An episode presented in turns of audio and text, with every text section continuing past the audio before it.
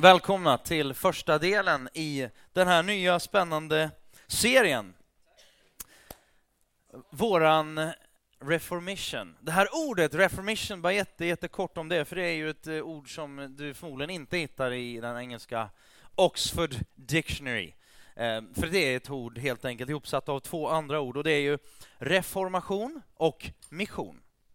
Eh, liksom reformationen, den förändringen och eh, vi kommer tala en del om det, förändringen, men vad var det en reformation till? Och det vi vill göra, vi vill göra en, en förändring. Och då tänker du kanske så här, men vi är ju en nystartad församling, varför behöver vi ändra på någonting? Och det handlar ju, alltså världen är ju lite större än dig och mig, och eh, det handlar inte bara om oss. Och faktum är, jag använder ordet idag, eh, kalibrering, skulle man kunna säga. Att den här, ja egentligen hela den här reformation eh, handlar om att kalibrera oss. Och det är någonting som vi behöver göra hela tiden. Reformationen behöver fortsätta i våra liv, att vi blir mer och mer sanna oss själva. Jag vet inte hur du är, men, men jag tycker det är väldigt skönt att ha sådana här radio, radio controlled watches som, som tar emot någon signal. Jag vet inte var signalen kommer ifrån, jag har inte, man får väl googla på det kanske, men den hämtar signal från någon sändare någonstans, från något atomur säkert, som är exakt, som har liksom den, den äkta, riktiga tiden. Det är ju skönt så när man har möten på jobbet eller så, man, man, man är chef. Då bestämmer man vad som är den riktiga tiden och så stänger man, stänger man dörren. Och så kommer någon bara ”Fröken Ur”, säger alla tiders flicka. Ja. Ett finare instrument, ju finare instrument, desto mer noggrann måste du vara med kalibreringen. Ett inte så jättefint och det ser väldigt fånigt ut. Har ni sett någon som står ute så här med en iPhone och ser dem så här? Har ni prövat det någon gång själva? När man ska ställa in kompassen på den stackars iPhone, då står det bara gör så där, så står man här. Funkar ju inte. Och så är norr ändå söder och så vidare. Det är ingen bra kalibrering. Men egentligen, det här vackra då, latin, vi kan få tillbaka den, ad fontes. Vi har ju kört en hel del på engelska, sådär. och så tänkte vi, vi, bara, vi går tillbaka till ja, några århundraden tidigare och kör på latin ett tag, är det okej? Okay? Skämt åsido, men det är väldigt snygga uttryck faktiskt. Ad fontes. Ehm, det står, till, det står för åter till källorna. Det är väl positivt? Tillbaka till liksom rötterna på något sätt. Ehm, jag tycker det, det, det är bra. Och på något sätt så handlar det väl om just det här med att, att kalibrera oss. Ehm, och det tänkte jag att vi skulle tala en del om idag, att vi behöver kalibrera oss, kalibrera vår tro, kalibrera vår, vårt liv och vårt uppdrag. Så vi behöver hela tiden leva i reformationen till mission, vad det är vi, vi gör för någonting. Och eh, man kan ju säga att det är helt enkelt en, en, jag ska leka lite med ord, så här, men, men förnyelse i enlighet med det gamla. Och det är liksom lite sådär, eh, går väl inte riktigt kanske alltid i, i, linje med, eller där man kan tycka att samhället hela tiden upp, lyfter upp och, och på ett sätt håsar upp. Det är liksom framåt. Jag tyckte det var så träffande. Var det någon som såg årets julkalender? Det var liksom så här, framtiden, statsministern, han den onde mannen. Det var liksom så här, svaret på alla frågor var framtiden är bäst. Ja, men vad menar du med framtiden? Ja, men bara, bara framåt. Bara framåt. Jag tror att han hade en viss poäng där, eller de som gjorde den, att det handlar kanske inte bara om framåt. Det kanske handlar om framåt genom att ibland titta bakåt och ha med sig någon slags helhet. Judas brev vers 3 och 4. Och så ska vi läsa Hebreerbrevet 2, vers 1-4. Men jag börjar Judas brev. Älskade vänner. Jag har tänkt skriva ner några tankar till er om den frälsning, den räddning alltså, som Gud har gett oss. Men nu känner jag att mitt brev istället bör bli en uppmaning till er. Att i all er kraft, eller med all er kraft, kämpa för den sanning som Gud en gång för alla har gett sitt folk. Jag säger detta eftersom några gudlösa män, kanske var en och annan kvinna också, smugit sig in bland er och påstår att man när man väl blivit kristen kan handla precis som man vill utan att behöva riskera Guds straff. Det öde som väntar dessa män har för länge, länge sedan fastställts. För de har vänt sig mot vår ende, mästare och Herre, Jesus Kristus. Och så går vi över till Hebreerbrevet. Därför måste vi så mycket mer ta fasta på det som vi har hört, så att vi inte driver bort med strömmen. Om, det, om, redan det ord som talades genom änglar stod fast och varje överträdelse och odlydnad fick sitt rättvisa straff, hur skall då vi kunna fly undan om vi inte bryr oss om en så stor frälsning? Den förkunnades först av Herren och bekräftades för oss av dem som hade hört honom. Gud gav oss också sitt vittnesbörd genom tecken och under och många slags kraftgärningar och genom att dela ut den helige Andes gåvor efter sin vilja. Jag vill be kort. Himmelske Far, tack för att vi får samlas så här idag. Vi får läsa Bibeln tillsammans, vi får skratta, vi kanske till och med får gråta, vi får eh, stanna upp och reflektera och fundera till och inte bara tänka framåt utan i relation till vad vi har bakåt. Tack Gud för att vi inte är bottenlö bottenlösa och, och eh, att, vi har, att vi inte är historielösa. Utan att vi har en historia, att vi har ett, ett, ett, arv, att vi har någonting rikt bakom oss, att vi inte behöver uppfinna hjulet igen, att vi inte behöver göra alla misstag som alla andra ut, utan att vi kan få stå på axlarna på dem som har gått före.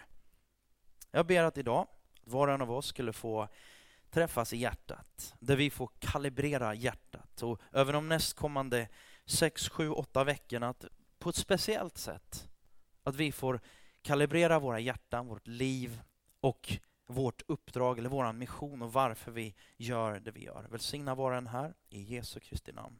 Amen. Alltså, det moderna livet.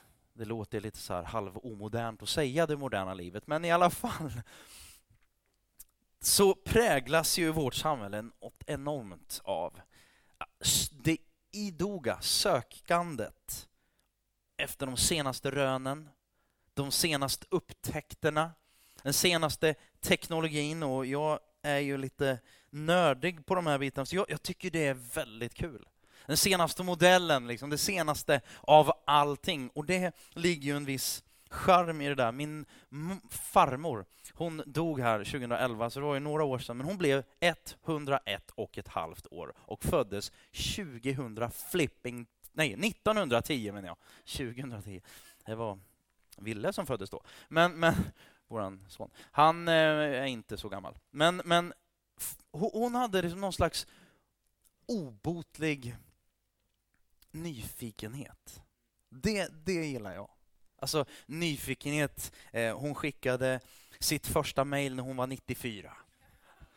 Skickade till mig i London och satt min pappa bredvid henne då, så skickade de ett mejl till mig. Jag satt, hade pappa ringt innan och bara, sitter du vid datorn nu så du kan skicka tillbaka ett svar? Liksom, en, liksom sådär. Så hade hon skickat ett, och satt jag där, satt jag på andra sidan skrev ett svar tillbaka. Och hon var helt blown away. Denna liksom gamla kvinna, krutgumma. Eh, men det har ju skett en enorm teknikrevolution de senaste ja, hundra åren. Alltså Henry Ford-bilen och så liksom telefonen några år. Ja, men liksom så här. Alltså det har bara exploderat. När jag gick i gymnasiet, kära vänner, då fanns det något som hette Motorola Tack någonting. Och då hade man en mobiltelefon som var det var inte den här, den, det var den modellen efter eh, biltelefonen med ett stort liksom, batteri. En del av er har aldrig sett det, men David har sett det där uppe. Eh, det är han och jag. Eh, men så hade de utdragbar antenn. Och, äh, men det, det, är faktiskt väldigt roligt att ha varit med under de där åren och, och eh, det känns som man är lite äldre. Nackdelen när vi strävar och vi som lite skämtsamt, eller väldigt mycket skämtsamt, men lite som statsministern i Hedenhös julkalendern, som bara strävar framåt. Och förnyelse. Vi, allting bara hyper över att allting bara ska bli bättre. Och vi ska, det är liksom bara det nya som gäller. Kan det vara så att vi glömmer bort och vi missar det som egentligen redan är perfekt och allting kanske inte behöver förnyas.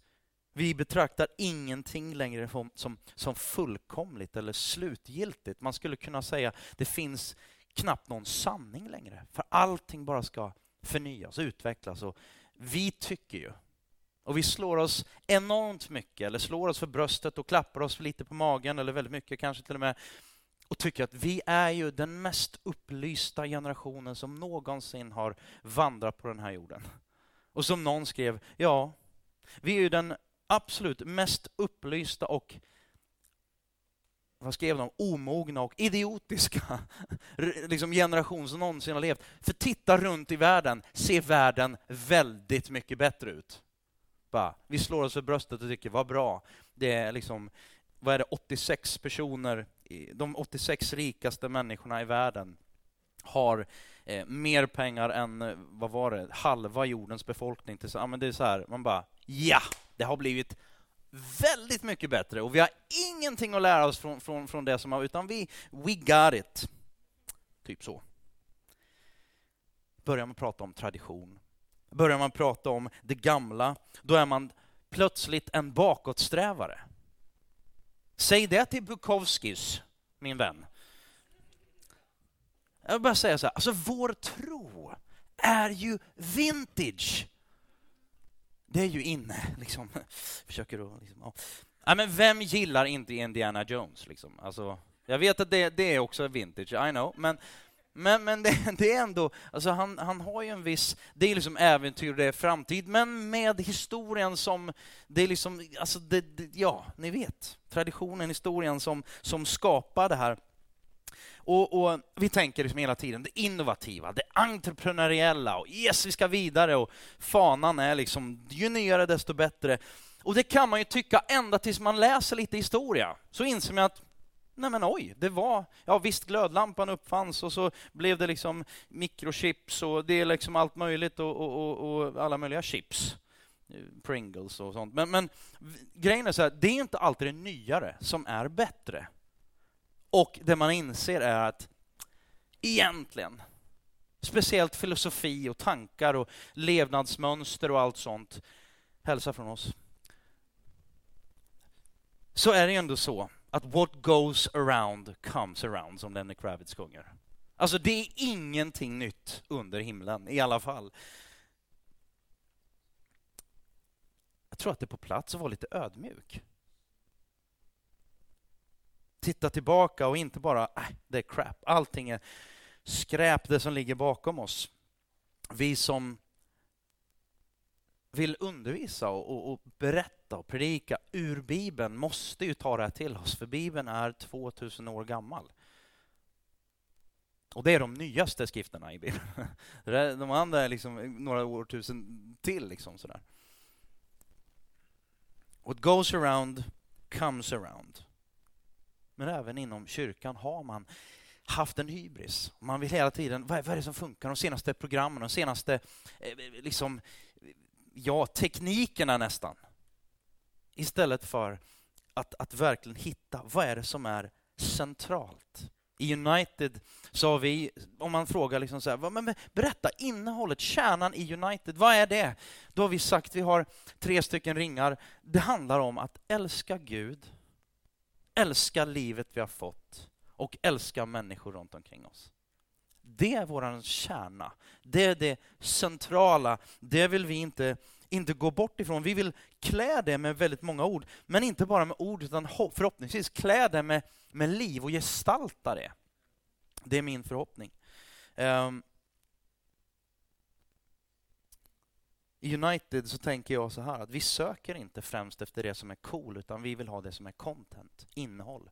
Alltså, vi vill inte ha det som är inne, utan innehåll. Det är så mycket mer värt. Och för att prata innehåll så tror jag att vi måste se tillbaka lite grann. Vad är vår historia? Var kommer vi ifrån? Och eh, man kan göra detta på en, på en massa olika sätt, sådär, men, men man kan också bara säga så här, alltså, conclusion det är att vägen framåt har två riktningar, både framåt och bakåt. Två riktningar. Vi måste klara av att leva i, i, i båda dem. Och ja, men här i Judas brev till exempel så står det att den sanning som Gud en gång för alla har gett sitt folk. Så Bibeln är en av de saker som inte förändras. Den kommer inte att skrivas om för att du lever i Sverige 2014 och det är vissa saker som är politiskt inkorrekt som råkar stå där. Jesus säger inte, jag är vägen, sanningen och livet. Ingen kommer till Gud utan genom mig, om man läser då Johannes 14 och 6. Johannes evangelium 14 och 6 kommer inte upp på skärmen, men det står så i alla fall, du kan kolla upp det sen. Han säger alltså, det finns ingen annan väg till Gud än genom mig. Och efter det så kan man ju tycka bara, alltså det där är riktigt jobbigt att du säger det där. Kan du inte bara säga, tagga ner lite grann och bara, Jesus, liksom, ah, nej, vi struntar i det, vi, vi, vi bara hänger. Liksom. Vi, vi, nej, men han gör inte det. Däremot säger han, kom till mig. Välkommen till mig. Låt oss utforska livet. Jag vill komma till dig. Faktum är att det börjar inte med att du kom till honom. Eller att någon kom till honom, utan att han kom till oss. Det har vi också pratat en del om. Men en tro som och en bibel som ja, men den kommer inte att ändra sig. Den kommer inte att utvecklas på det sättet. Vi skriver inte Bibeln, vi kan inte skriva om Bibeln. Däremot kanske vi ska ha ödmjukheten att kalibrera oss ut efter Bibeln. Om vi nu tror att det är Guds ord. Och det tror jag. Det måste du inte tro. Men om du tror det skulle jag säga, då är det läge att kalibrera sitt liv efter Bibeln.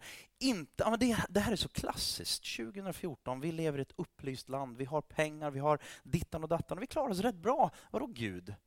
Opium för folket, det kan man ha liksom i u-världen eller man kan ha det någon annanstans. Men här, vi behöver ju inte det. Vi uppfinner ju vår egen Gud. Jag ska komma till det. Ehm, de Ja, precis. Ehm, det är så mycket bra. Jag, jag, jag, jag, har så mycket bra att säga. Jag, ja, tycker jag själv i alla fall. Ja. ja. Alltså grejen är så här, upptäcka. Jag satt och funderade. Handlar det om upptäcka eller återupptäcka? Och jag tror att de här olika bitarna, jag tror att det, det, det, är olika för oss alla. En del behöver upptäcka för första gången Guds kärlek. En del av er behöver återupptäcka den. Jag tror att alla i så fall behöver återupptäcka den. Alltså, livet vi ska leva. Guds story. Guds drama. En del av er, en del av oss behöver, behöver upptäcka det för första gången. Och några av oss behöver återupptäcka Guds drama och story. Vi ska komma till det, men vi hoppar rakt in här. Framåt. Framåt tillbaka till Guds story. Framåt så måste vi också gå tillbaka till Guds story. Första Mosebok, alltså första boken i Bibeln. Vers 1 i kapitel 1 står det I begynnelsen skapade Gud himmel och jord. I engelskan så är det lite snyggare för det står så här in, in the beginning God. Och det är så. Gud, han är början på våran story. Han är innehållet i våran story. Alla kulturer, religioner, sammanhang har sin story. Varenda samhälle har ju, har ju sin egen story. Förklaringen och beskrivningen om tingens tillstånd, om varför vi finns här, om, om varför det är som det är, varför vi har de problem vi har och någon slags lösning på det hela. Vad är att vara människa? Vad är meningen? Och allt det där. Vad är det som är eftersträvansvärt? Och så har man någon slags gudomligt centrum i varje berättelse. Jag skulle faktiskt våga säga att det är i varenda berättelse så finns det någon slags gudomlig, det kan vara faktiskt, i vilket perspektiv du än tittar, ett kompisgäng. Det finns någon som, som blir den där personen som alla vill följa eller vill vara, eller alla, men, men det finns något sånt där. En skolklass, en kyrka, ett land en berättelse som skapar kontext och gemenskap faktiskt. Vi har någonting gemensamt. Det är intressant det där. Ehm, David Hasselhoff, av alla människor, ehm, anklagade svenskarna för att vara ytliga. Jag tyckte det var helt fantastiskt. Att just han gör det, det var, det var liksom... Det, ja, det var, det var faktiskt väldigt bra. I Skavlan kan du... Ja, det var ett intressant samtal. Men, men det som är intressant är ju att man kommer utomlands. Vi var bland annat i Thailand vid tillfälle och så låg vi där på beachen och träffade svenskar och sådär. Som man gör i Thailand. Eh, det blir lätt så. Och vad är det som händer? De är hur pratsamma som helst. Och liksom, helt plötsligt så bara, det är precis som att vi har jättemycket gemensamt.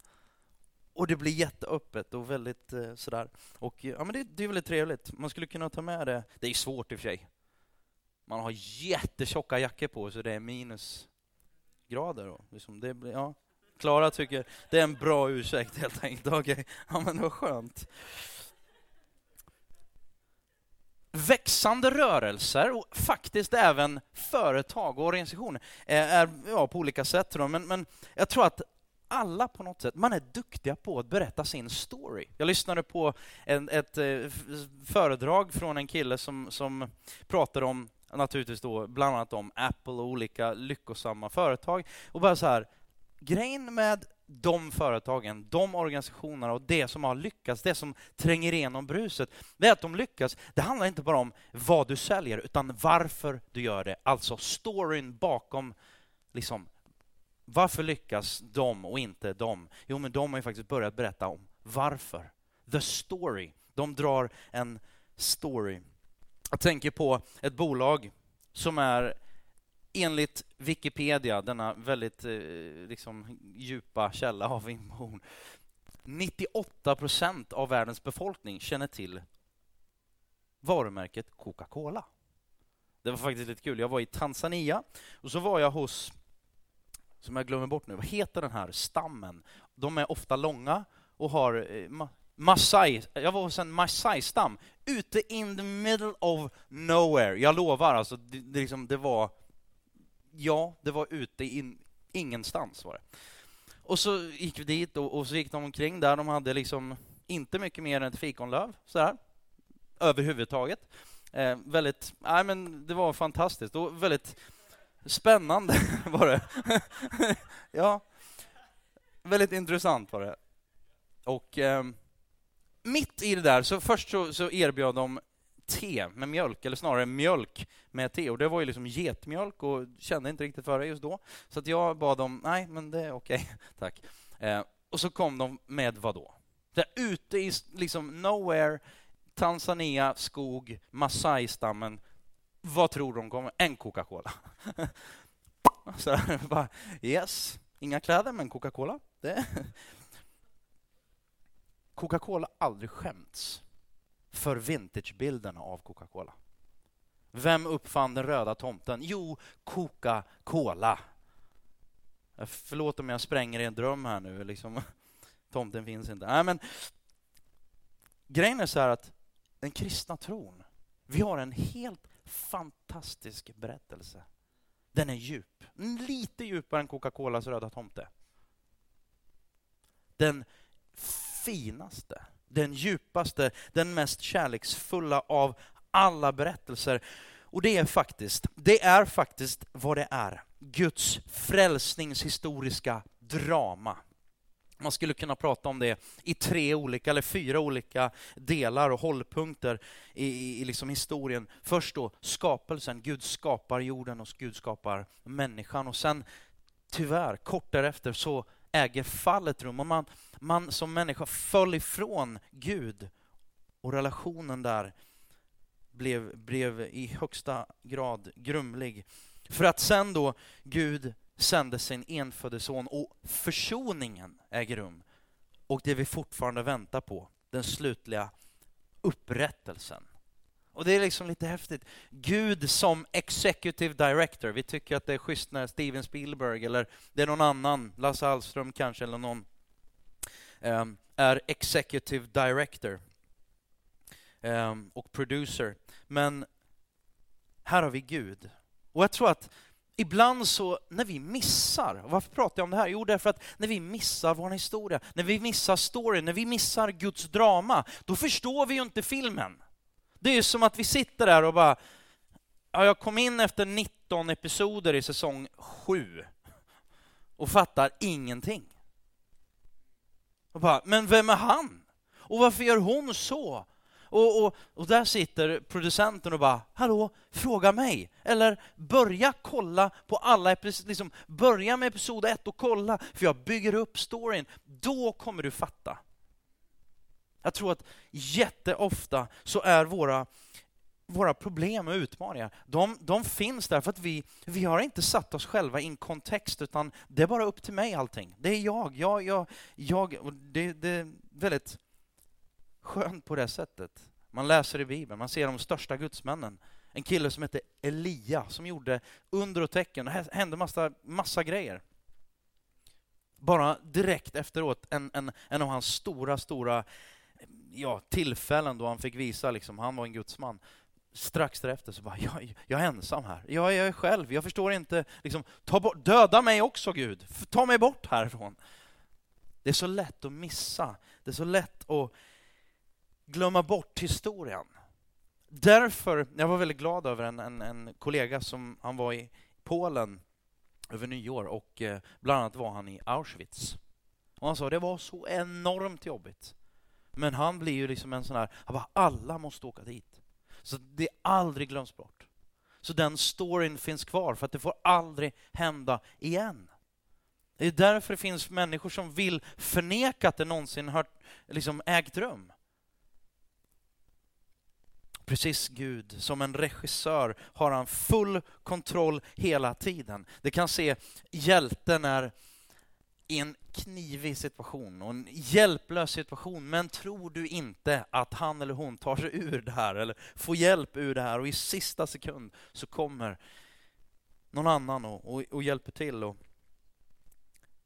det som händer istället, när man glömmer bort den djupa, fantastiska storyn som, som kommer från den som har skapat oss, så köper man in sig. För att någon story och berättelse måste man ju ha, det har man ju. Man köper in sig i någon alternativ berättelse, berättelsen om det goda livet. Och det jag säger nu, det är inget dåligt. Men om det bara handlar om det, så är det en alternativ berättelse och inte Guds lite större, lite mer färggrann berättelse. Men berättelse om att vara i det goda livet. Var glad, lycklig, frisk, snygg, framgångsrik. Eller kanske berättelsen om att vara miljömedveten, leva i solidaritet, odla ekologiskt och kämpa för rättvisa. Beundransvärda saker.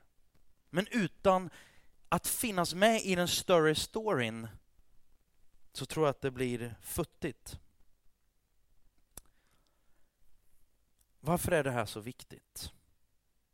Jo, därför att det som får ditt, liksom, det som får ditt hjärta att klappa har ni tänkt på att i en story, de kan ta den värsta personen och de, den, den person som har gjort de hemskaste sakerna och ändå få dig att du har sån sympati för den personen.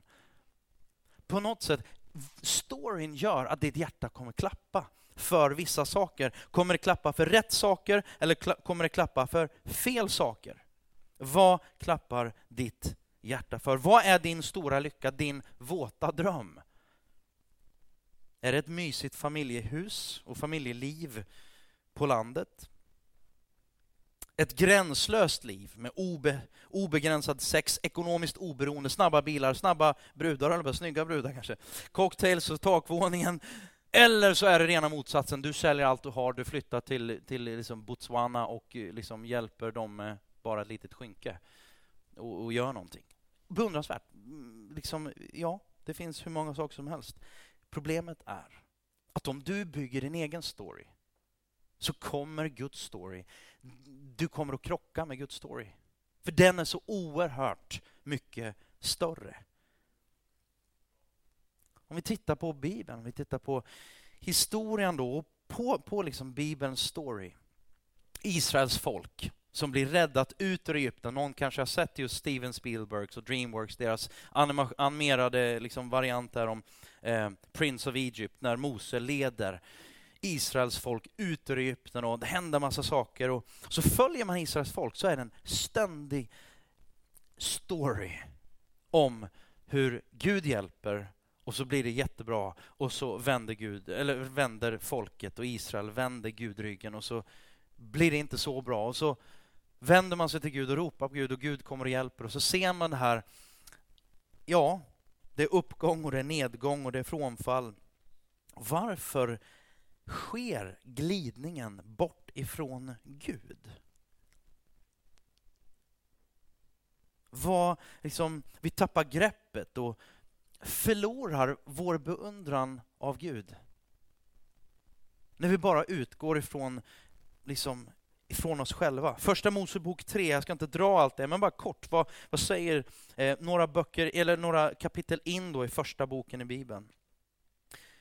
Så kommer, då är fallet, och då är ormen där då, bilden, djävulen, fienden, åklagaren där i, i, i form av en orm och sår in tvivel.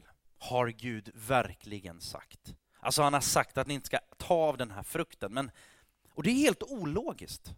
Har ni tänkt på det? Det finns ett enda träd i hela trädgården. Det kanske var en miljon träd.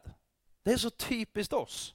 Det finns ett träd. Du får, bara, får äta vad du vill, men det är bara ett där. Strunta i det, skippa det. Du får äta allt annat. Bara, jag måste ju ha det där. liksom, det är så ologiskt att det, det egentligen, ja, det kanske inte är ologiskt, ja, men ja. Äh, ni ska visst inte dö, säger ormen. Lögnen om konsekvenserna av detta då. Ni blir som Gud. Du blir som Gud. Frestelsen om den alternativa berättelsen. Du, Gud har inte den bästa storyn för dig. Du kan få något bättre. Skapa din egen framtid, skapa din egen story. Romarbrevet 1 och 21, vi går till Nya Testamentet. Några versar där bara. Står det så här, fastän de känner till Gud prisade de inte honom som Gud eller tackade honom, utan förblindades av sina falska föreställningar så att mörkret sänkte sig över deras oförståndiga hjärtan. Romarbrevet 1.23 då, bytte ut den odödlige Gudens härlighet mot bilder av dödliga människor, av fåglar, fyrfotadjur och kräldjur. 25, vers 25. De bytte ut Guds sanning mot lögnen och tog sig för att dyrka och tjäna det skapade istället för skaparen.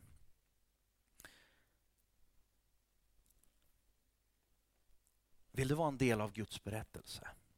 Eller vill du stanna kvar och skapa din egen berättelse? Det tror jag är en en sund fråga. Kalibrera din berättelse.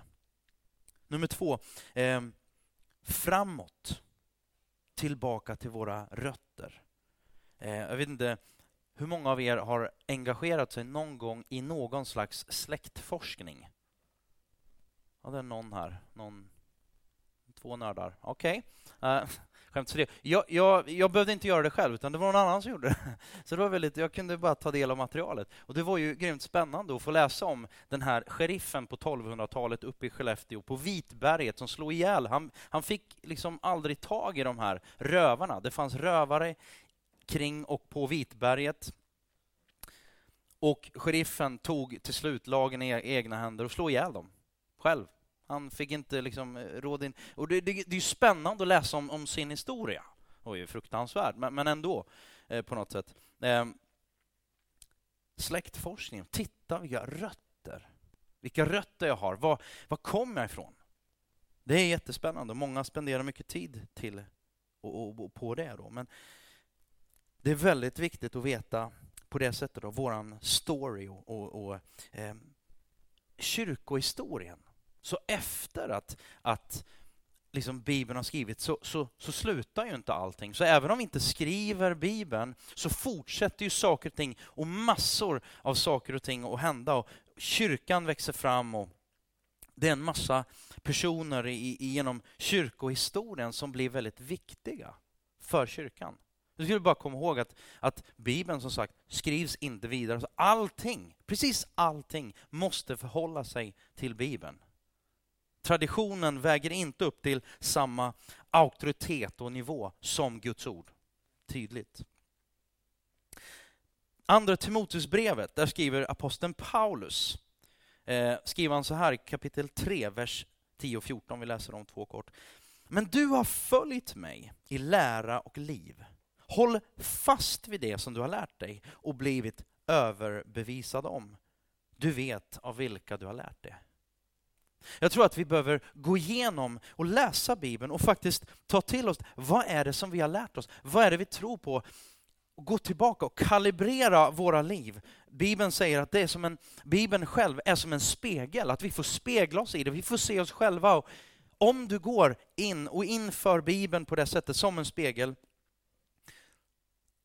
och ser att du måste raka dig eller göra någonting, och inte gör det, står det, nej men vad tokig du är. Du är precis som en, en, en man som går inför spegeln och, och, och, och sen går därifrån och bara glömmer hur han såg ut. Väldigt viktigt att liksom, var, var, var kommer jag ifrån? Och så har du det här med till exempel trosbekännelsen. Den tycker jag, som vi läste här tidigare, som Linus tog upp, oerhört viktigt instrument för kalibrering. För med den med den trosbekännelsen, det är egentligen bara, en, som du sa, en summering av Bibeln kan man säga. Liksom väldigt tydligt. Vi tror på Gud Fadern, Gud Sonen, Gud den helige Ande. Vi tror att Gud, ja men, väldigt, väldigt tydligt. Till exempel, vi tar ett hemskt exempel, men det är ju tioårsjubileum sedan, sedan Knutby och, och det tragiska som ägde rum där blev uppdagat. Hade de bara kalibrerat, eller nu var de säkert inte speciellt intresserade av det, men hade man kalibrerat sig utifrån bara trosbekännelsen så hade man förmodligen inte hamnat där man gjorde.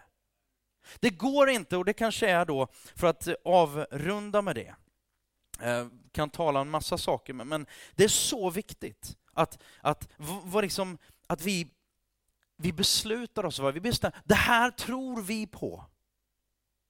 Coca-Cola, för att ta det igen då, de har ju ett ursprungsrecept. Jag läste det här innan. Det var liksom från 1829 eller 1859, eller någon, någon, någonstans. Det var, det var länge, länge sedan i alla fall. Och de har egentligen inte ändrat ursprungsreceptet på Coca-Cola sedan dess. Det är ju jättehemligt och allt sånt här. Men du ändrar ju inte Coca-Colas recept. Du håller kvar vid det. Nu är evangelium och Bibelns budskap återigen lite djupare. Men du ändrar inte de här trossatserna. Och jag skulle säga så här, ja, men måste, jag, måste jag bli så definitiv? Jag tror inte du ska måla in det i, i, i hörn som inte har med Bibeln att göra, men grejen är så här, trossatserna och, och trosbekännelsen, att du liksom på något sätt använder det som instrument för att kalibrera. Är jag på väg? Var, var är jag på väg? Det är ett väldigt grovt instrument, men någon sa så här, if you stand for nothing you will fall for anything. Idag, våra instrument för kalibrering till mångt och mycket, det är våra känslor. Vad är rätt? Finns Gud? Jag måste känna. Så trosbekännelsen, det vi läste, han står ingenstans om dina känslor. Det står bara om vad, vad Gud har givit sig och hans story genom historien egentligen reformation, ett återtåg till urkyrkan kan man ju säga. Vill egentligen inte skapa en, alltså reformationen då på 1500-talet med Martin Luther i spetsen och, och, och, så vidare. Jag ska alldeles strax gå ner på, på, för landning. Är ni med mig en liten stund till? Men det var ett återtåg till urkyrkan på något sätt. Han vill inte bara, nu ska jag skapa, skapa en ny kyrka. Så blev det så. Det blev en split och så vidare. Men det viktigaste då, framåt, tillbaka till Gud. Johannes evangelium kapitel 17, vers 3.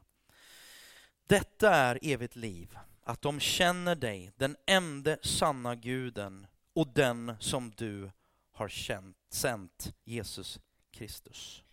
Hela reformationen, eh, det vi talar om. Och varför det är så viktigt med kyrka, gudstjänst, Kyrkan är så mycket mer. United är så mycket mer än gudstjänsten. Men gudstjänsten är också viktig. Vi behöver komma tillbaka, påminnas. Vi behöver lyssna på undervisning. Vi behöver kalibrera oss, vi behöver stämma av med varandra.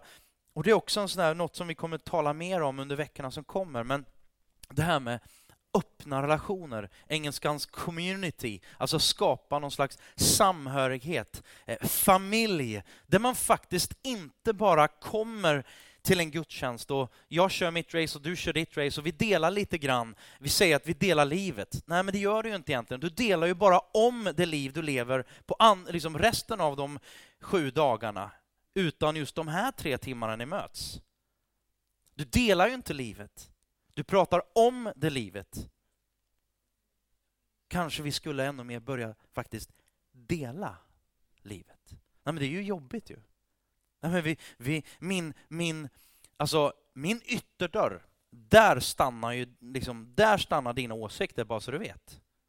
Ska du lägga dig i hur, hur, liksom, hur vi hanterar vår ekonomi? Eller, jag tror att det är väldigt många som skulle behöva hjälp på alla möjliga... Vi, skulle, vi har folk som kommer in i, som, vi, som vi vill ska komma in. Det är inte bra om hela världen kommer in hela tiden, förutom att man tar in hela världen genom tvn. Och så har man massa fåntrattar som trycker i massa idéer och grejer. Men det kan vi lämna tills, tills vidare. Men att tillbaka till Gud. Framåt, tillbaka till Gud. En teolog som heter A.W. Tozer skrev så här. Nu får ni en liten känga, är det okej? Okay? Allmänt sett så har den evangeliska kristne bara en ytlig upplevelse av Gud. Han är nöjd med religiöst sockervadd och sätter i halsen av lärorikt kött. Han har därför liten kunskap om Gud och ännu mindre erfarenhetsmässig kännedom av Gud. Han behöver studera Guds ord och lära sig att tänka.